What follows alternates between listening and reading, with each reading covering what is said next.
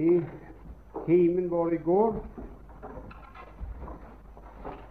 så begynte jeg med å si noe om følgende av forsoningen, eller forlikelsen. Og for det første så nevnte jeg at følgende resultatet av forsoningen ligger på Guds side. Fordelen er hans. Han viste sin rettferdighet i den tid som nå er, for at han kunne være rettferdig, og så gjøre de rettferdig som har troen på Kristus Jesus. Jeg kan ikke gjenta noe av det som vi sa om det da, for så måtte jeg ta med alt. Men så fortsetter vi nå med å nevne noe om de følgene som uh, kommer oss til gode, det som gjelder oss. Da vil jeg først nevne det kjente ordet fra 2. Korintiabrevet 5, vers 21, som jeg håper dere kan utenat. Der står Men han som ikke visste av synd, ham gjorde Gud til synd for oss, for at vi i ham skal bli rettferdige for Gud. For at vi i ham skal bli rettferdige for Gud. Ikke for at vi i oss selv skal bli rettferdige for Gud. På svensk står det for at vi i håno skulle blive rettferdighet. Et, et voldsomt sterkt uttrykk. Men Skatt Rørdam og noen engelske oversettelser har det enda sterkere. Han som ikke visste av synd, har Gud gjort til synd for oss, for at vi i ham skulle bli Guds rettferdighet. Vi skulle stå like ustraffelige, like fri for noen som helst form av straff som Gud selv. Vi skulle bli Guds rettferdighet, eller den personifiserte rettferdigheten. Så det er ingen mulighet for å bli straffet.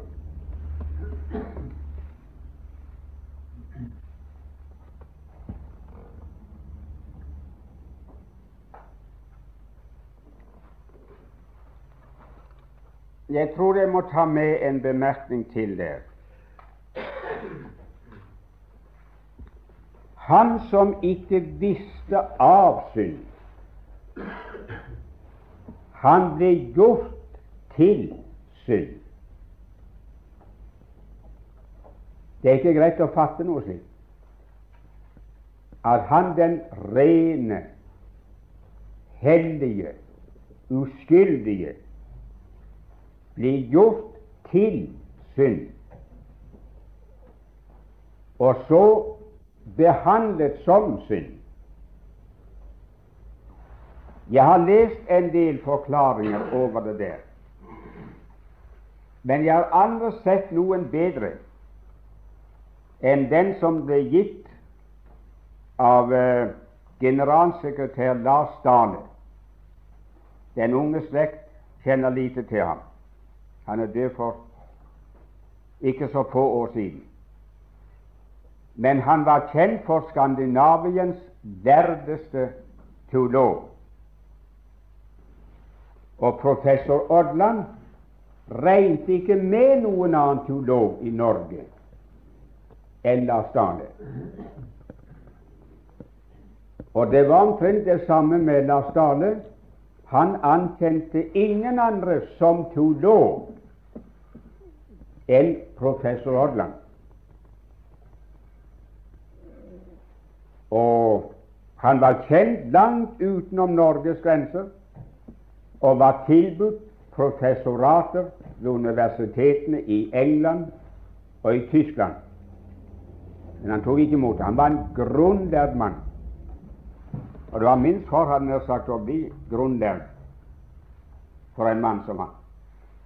Han hadde en sådan hukommelse at han han vågde ikke på å lese noen ting som han ikke ville huske. For det satt fast. Hadde han lest det, så satt det der. Han hadde et veldig bibliotek i Stavanger. En av mine venner var inne hos ham og spurte ham om noe ganske vidløftig angående en historisk person. Så sa han først med en gang hva den mannen hadde sagt, og hva han mente. Det sto helt klart med en gang. Forresten, sa han, du kan få se det. Det står i den boka der. Gikk han bort til det veldige biblioteket, tok den her, slo opp sidetallet. Vær så god. Der hadde han det. Han var mer enn et overskuddsmenneske. Nå, han sa om det sted at han som ikke visste av synd det gjorde synd, at det greske ord som dere bruker, det er et ord som gir forestillingen om en gjenstand som er forsvunnet i en annen. Den er der, men den er skjult i en annen så du ikke kan se den. Han var uskyldig, ren og hellig. Han var Gud. Men i de timene han hang på Golgata, var det ingen som kunne se den uskylden, den helligheten, renheten. Der så man bare synd og Guds dom over synd. Han var forsvunnet i det. Og når det står at vi i ham skal bli rettferdighet, eller Guds rettferdighet, betyr det akkurat det samme. Vi forsvinner i en annen person. Så hva en annen person er, det er vi for Gud. Jeg har sett i forbindelse med flere ting i tabernaklet. En hel del av gjenstandene der de var laget av akasietre. Men så var de enten belagt på innsiden og utsiden med, med kopper, med sølv eller med gull. Helst kopper og gull. Så når man så et alter, f.eks. brennofferanteret, syndofferanteret, så var det ingen som kunne se akasjetreet.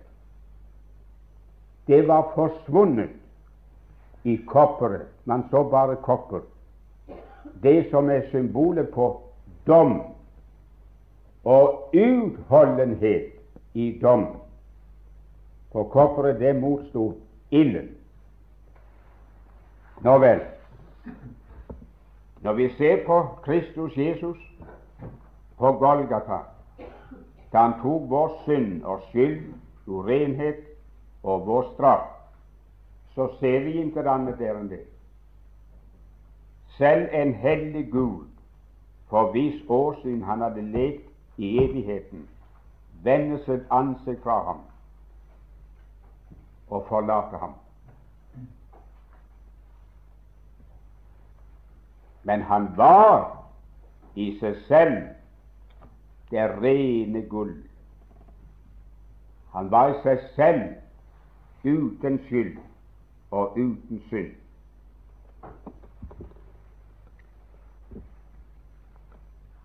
Og det er vanskelig, det er merkelig hvor det skal være så vanskelig for oss å komme til erkjennelse av at nå er hver eneste en som tror på ham, som ved Guds ånd er forent med ham, like rettferdig for Gud som han er.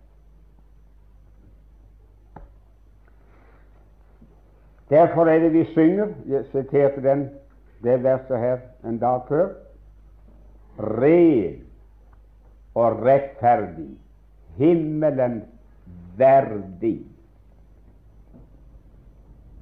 Det skader meget ikke sant? Er du som sitter her på timen i dag, er du himmelen verdig? Ja, jeg er himmelen verdig.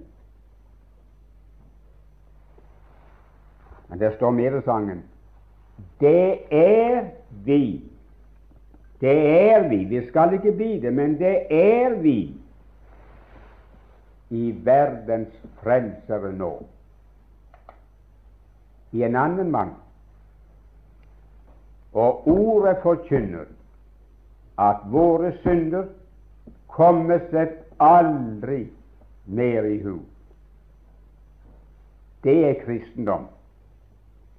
Det er ikke judaisme og lovvesen, gjerningsvesen, men det er kristendom. Det er det vi eier, har og er for Gud i en annen person. I Romerbrevet 5, 9-10 står det Så meget mer skal vi da, etter at vi nå er rettferdiggjort ved Hans blod. Ved ham vi frelst fra veden. For så sant vi ble forlikt med Gud ved Hans død, osv. Men vil det gå med Jeg vil gjerne slå opp det stedet, dere som har Bibelen. Og dere som ikke har Bibelen med, gjør et ærlig forsøk på å kunne huske det, så du kan lese det hjemme. Romerbrevet 6 og syvende vers.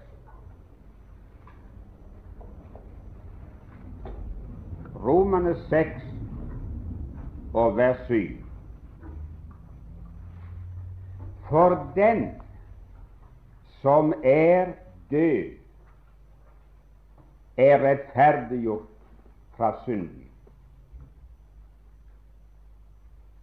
For den som er død, er rettferdiggjort fra synden. De kan gjerne få lov å svare høyt hvis dere vil. Se på det vers og si meg hvem er det ifølge det vers som er rettferdiggjort?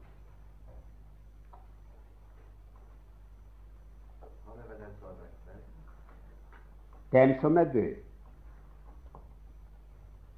Er du rettferdiggjort? Ja, noen nikker, og noen hvisker og sier ja. Er du død?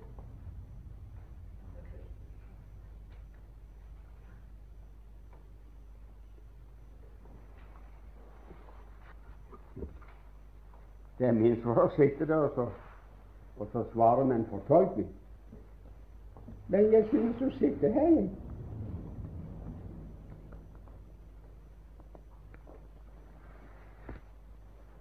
Syns du sitter her stille levende. Du går på bibelkurs i Mosten. Døde folk de ikke gjør det.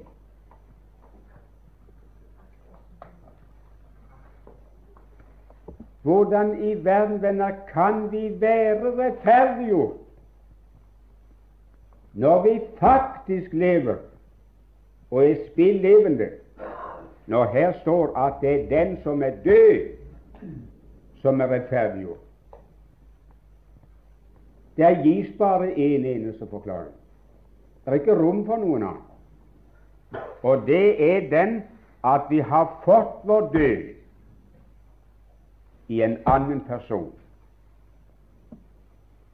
Kristi død er for Gud vår død. Og Derfor sies det gang på gang i Det nye testamentet at vi er død med ham, eller i spørsmålsform er vi avdød med ham, osv. Venner, den, den siden av evangeliet, den siden av Guds verk til vår frelse i Kristus, er skjult for de fleste troende. De har lest det, men det har aldri gått opp for dem hva det gjelder.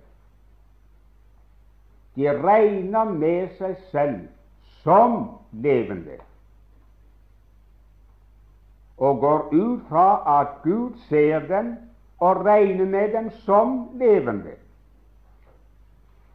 Og så tar Gud standpunkt til oss i forhold til det som vi er og kan prestere. Og fordi vi aldri kan bli, og aldri er fornøyd med oss selv, innvortes eller utvortes, så blir det ingen full sikkerhet om at vi er frelst, at vi er rettferdiggjort, og at vi skal gå fri i dommen.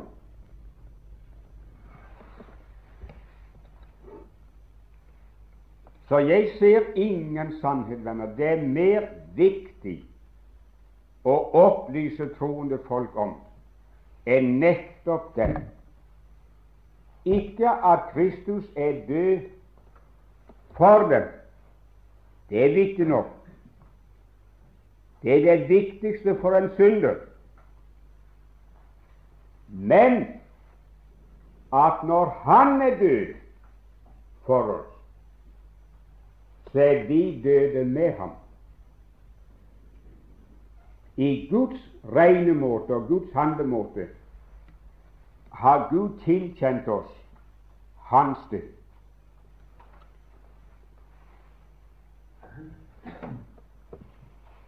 Derfor står det i 2. Korintierne 5 og det 15. vers Men det gjelder dessverre ikke alle troende. Alle troende kan ikke si det, og sier det heller ikke. De burde komme derhen at de sa det alle. Men apostlene, de hadde det klart. Vi har gjort dette opp med oss selv, at når én er død for alle, så er alle døde. Og han døde for alle, for at de ikke for at alle skal leve for ham. Nei da, men for at de som lever De skal ikke leve for seg selv, men for ham som er død og oppstanden for dem.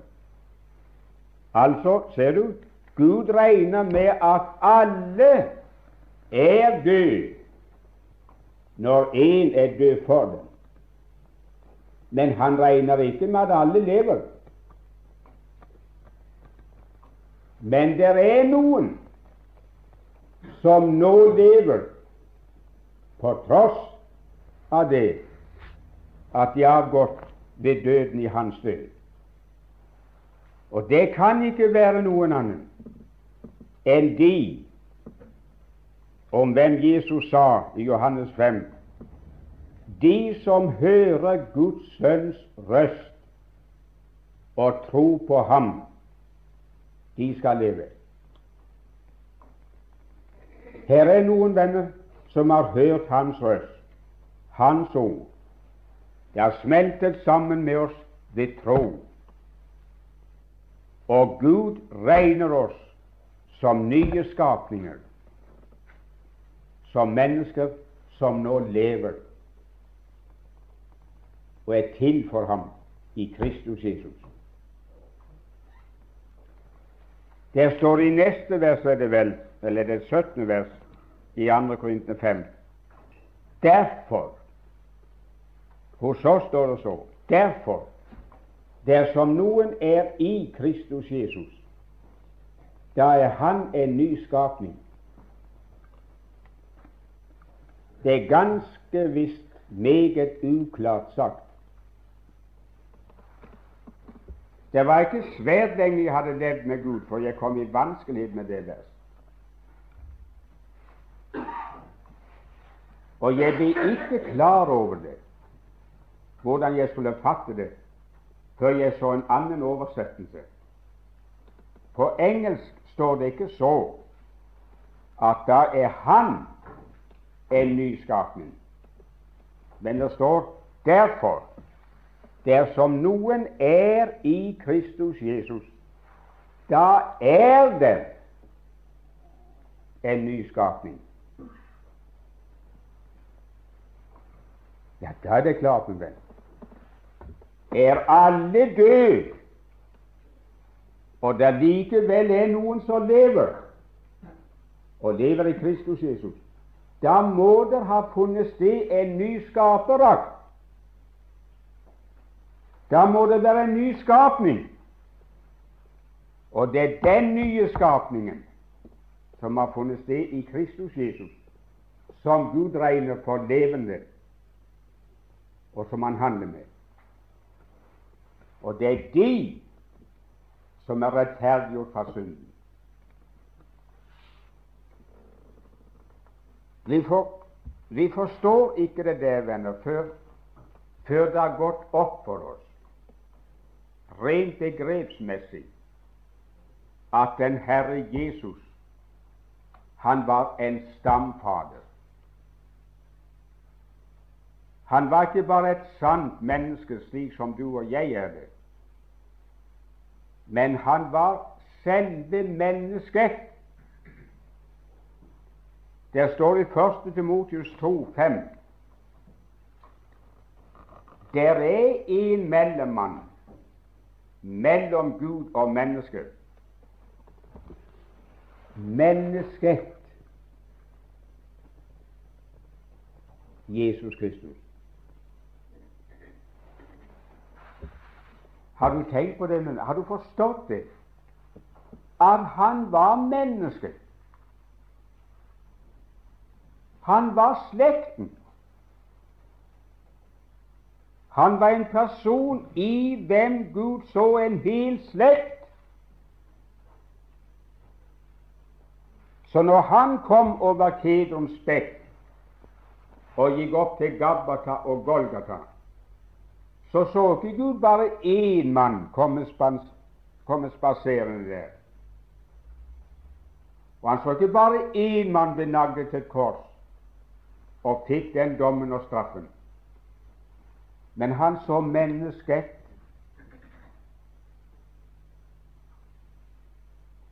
slekten. Da Adam den første var skapt, da står det Herren så mennesket.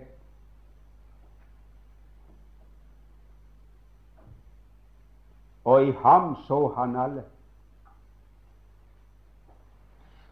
Så kom slekten, mennesket, til Golgata, til retterstedet, og fikk sin dom og død i sin stedfortreder.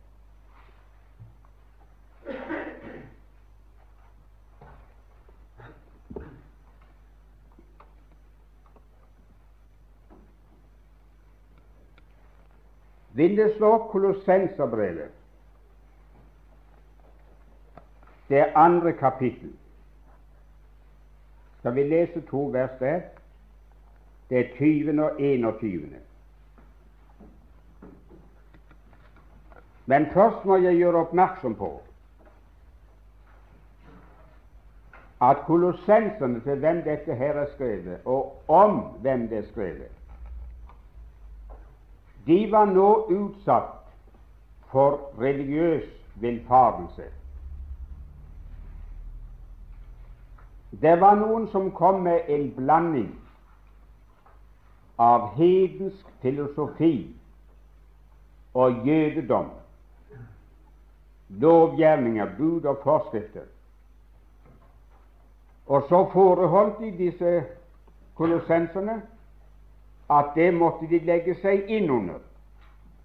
Det måtte de ikke gjøre, men det måtte de gjøre. I særlig grad gjaldt det nymåner, høytider og sabbater og mat og drikke. Den og den dag måtte de holde så og så, og den og den slags mat og den og den slags drikke var forbudt. Det måtte de holde seg fra, osv. Så,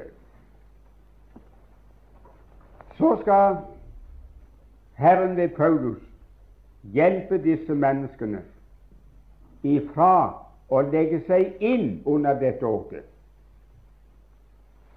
Og det gjør han på følgende måte. Først sier han at alt dette her, fra vers 16 La derfor ingen dømme eder for mat eller drikke eller et spørsmål om høytid eller nymåne eller sabbat. Disse ting er en skygge av det som skulle komme, men legemet hører Kristus til.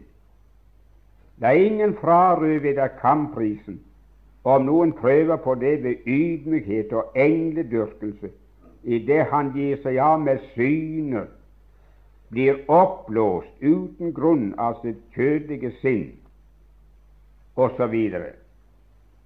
Jeg har mange ganger tenkt på Jeg har hatt ikke så ganske lite som til å gjøre med, med adventister.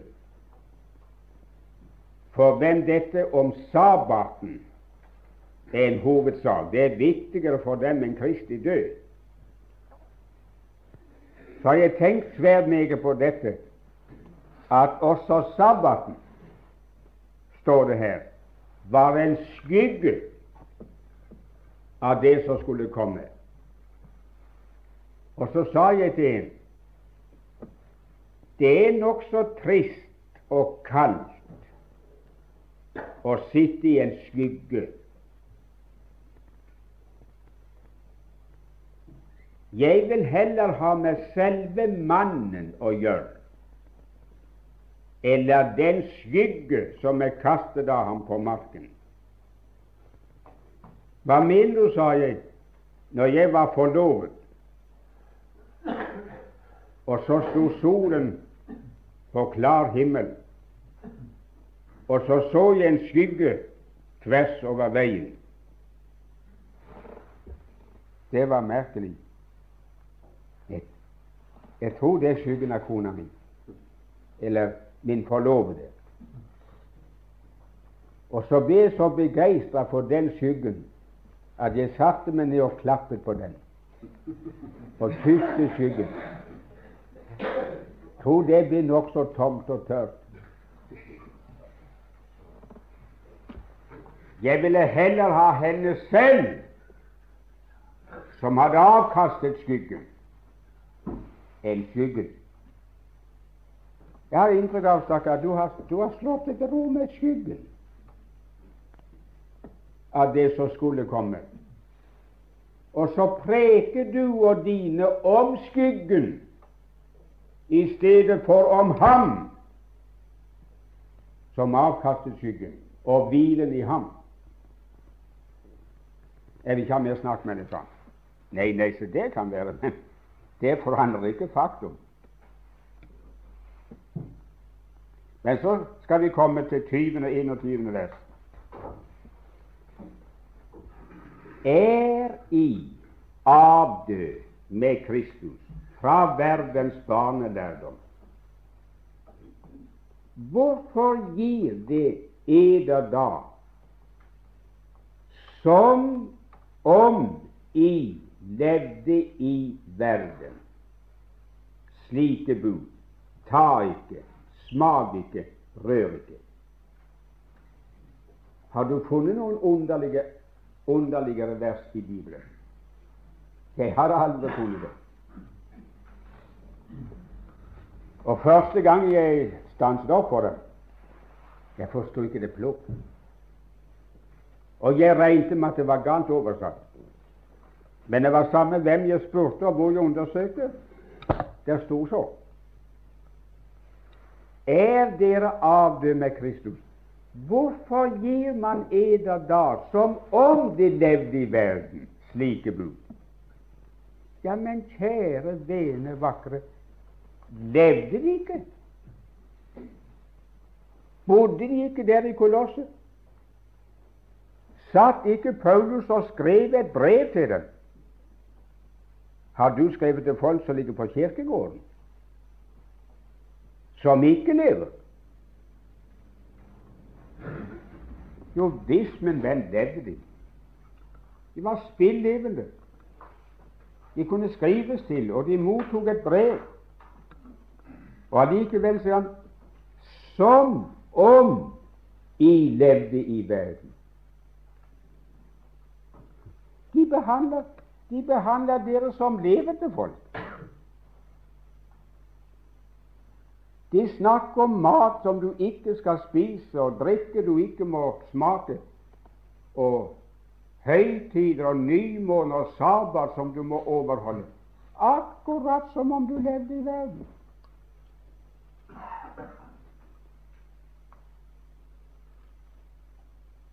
Loven på Sinai med alle bud og forskrifter var gitt til og beregnet på folk som levde. Og loven hersker over mennesket så lenge det lever, selv en norsk borgerlig lov.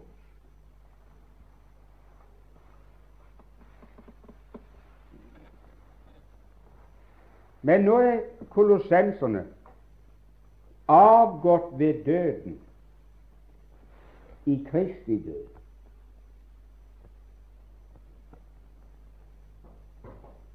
Og da går det ikke an, forstår du, å ta den lov og de forskrifter som er beregnet på levende folk, og anvende på de som er døde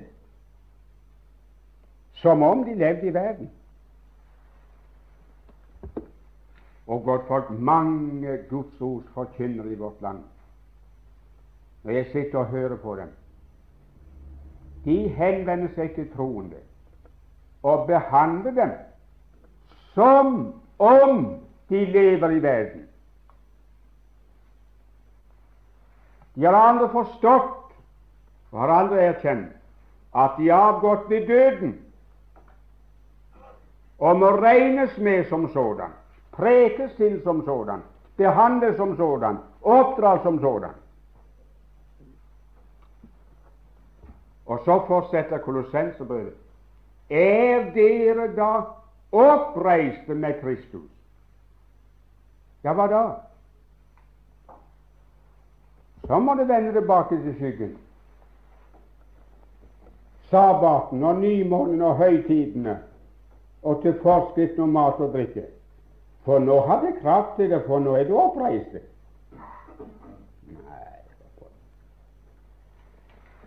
Er du oppreist med Kristus, da søk det som er oventil. Der hvor Kristus sitter ved Guds høyre hånd. Og la ikke eders hus stå til det som er på jorden, det loviske systemet som han nå har snakket om. Det er på jorden, men det de døde ifra ved Kristi død. og som oppreiste mennesker i hans oppreisning, skal dere være opptatt med det himmelske og det som angår ham der. Og derved, godt folk, tilføres vår liv kraft til å døde legemets gjerninger og leve et liv som er til ære for Gud. En liten illustrasjon før jeg slutter timen. Mange av dere har ganske visst hørt den før, enten av meg eller av noen annen.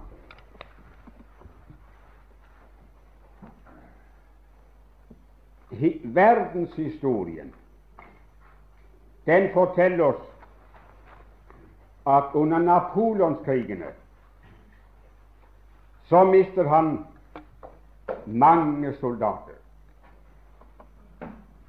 Og gang på gang kom det en ny utskrivning av nytt mannskap. Og så en gang hadde han litt forferdelige tap. Og nytt mannskap måtte kalles inn. Så gikk der en mann, en tillitsmann. Hva de kalte de der, det vet jeg ikke, men nå sier vi lensmann. Som hadde fått ordre om å gi melding til de som måtte melde seg og møte. Så la han merke til en ung mann, en ung frans, eh, franskmann, som gikk der hjemme.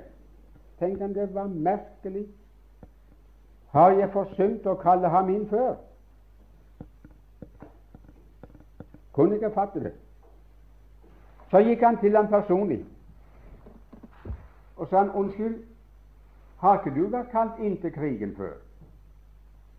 Jo da. Og så møtte du ikke? Jo visst møtte jeg.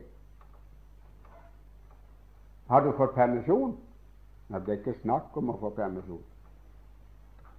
Har du desertert, Rømt? Det var ikke mulig å få rømme. Hadde jeg kunnet, så hadde jeg gjort det. Men det var umulig.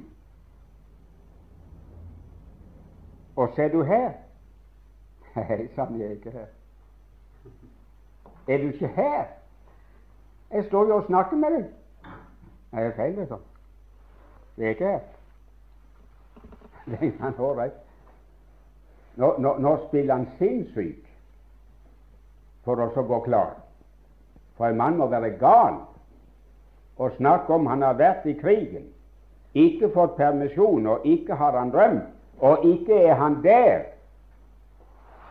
Det er ingen som snakker med ham. Ålreit, kom du og følg med meg. Så var det i rett med ham. Men han holdt på sitt. Han var ikke der. Ja, hvordan vil du forklare det? At du ikke er her? Nei, jeg er død. Død? Og så står her i retten. Ja, sånn, jeg, jeg er skutt. Skutt? Ja, jeg ble innkalt til krigen da og da. Jeg reiste den og den dagen. Jeg ble stilt inn i det kompaniet og i den troppen og var med i slaget der og der. Der ble jeg skutt. De fant meg og begrov meg. Så jeg er ikke her, jeg.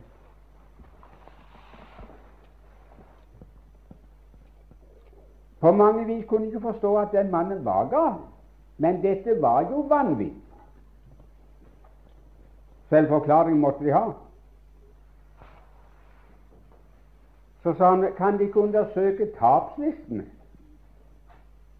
fra det slaget og finne ut om jeg er skutt, drept og begraven eller ikke?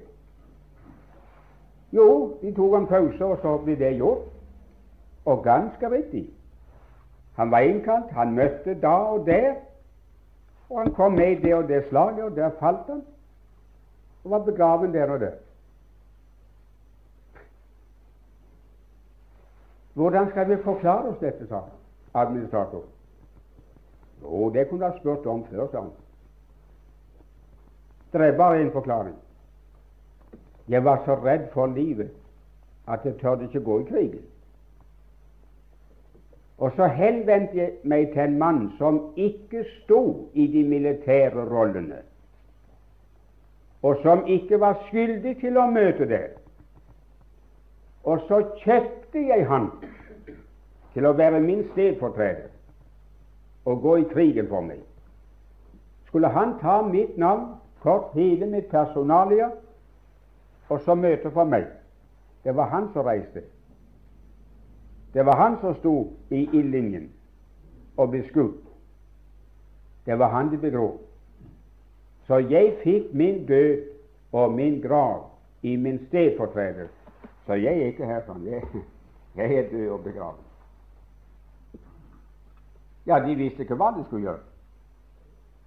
Så ble det sendt melding til Napoleon selv. Han fikk uttalelse om hva de skulle gjøre med en slik mann. Og svaret kom tilbake fra Napoleon, som lød Den som er død, han er død. Det er intet mer å gjøre ved ham. Dermed gikk mannen ut, rettferdiggjort i Napoleons øyne, rettferdiggjort i rettens øyne, rettferdiggjort i Frankrikes øyne og i verdens øyne. Han var død i en annens død, og dermed frikjent og rettferdiggjort fra enhver lov og enhver militær paragraf. Jeg synes det illustrerer saken, forholdet, så klart at det kan ikke bli klarere hvor lenge vi preker om det. Gudgivende alle dere hadde forstått det om deg selv, at du har vært på Golgata. Og der fikk du din dom, din straff, til død, og i Kristi grav fikk du din grav. Og i hans oppstandelse har du fått din nye oppstandelse. Du har lagt dom og død og grav bak deg. Og så er du frelst og satt i det himmelske i en annen mann. Blir det klart for deg, min venn, så blir det sabbat her inne, så får du hvile fra alle dine gjerninger, akkurat som du tar sine. Gud holder ikke på med å skape, prestere noe mer. Han er ferdig med det. Han hviler fra det. Men han er ikke passiv. Han har nok å gjøre. Og får du hvile fra dine gjerninger, som går ut på å prestere noe for å bli og være noe for Gud, så betyr ikke det at du blir en åndelig vedegjenger. Men da blir du skikket for, og da får du interesse for, å gjøre hans gjerninger. Men av mange troende de er så opptatt med å leve for seg selv, for å berge seg for himmelen, at de har ikke tid til å leve for Gud.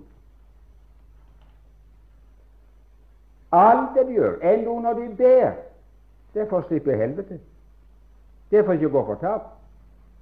Leser de Bibelen, så er det for å berge seg. Var det ikke den, den skrekk, skrekkelige muligheten at de kunne gå fortapt? Så la seg til å sove. Det er ikke farlig. Slike mennesker venner, de er ikke skikket for å gå inn for å leve livet for Herren, så gagnet av livet blir hans. Nei, nei. Gud gi at denne hemmeligheten måtte bli klar. Vi takker deg, Fader, for at vi fikk det ord, fikk det i vårt eget språk. Takk for vi har øyne og evner til å kunne lese det og gjøre oss kjent med det du har åpenbart for oss. Gi oss, kjære Herre, å fatte åndelige ting på åndelig vis og forstå at vi er avgjort fra verden. Vi har fått vår grav. Og vi står nå i din regnemåte og handlemåte som en nyskapning. Og du ser oss som sådan i din hjemkomne Sønn. Takk for det lille glipp du har gitt meg selv av det. Hadde jeg ikke fått det, hadde jeg ikke stått her i dag. Jeg har gått meg trett og gitt opp min kristendom for lenge siden. For jeg har aldri vært så skuffet av noen ting som jeg har vært skuffet av min egen kristendom. Jeg fikk min hvile, min sabbatshvile, i din egen sønns verk, og nyter i ham den samme hvile som du nyter. La det bli disse venner til del for hans skyld. Amen.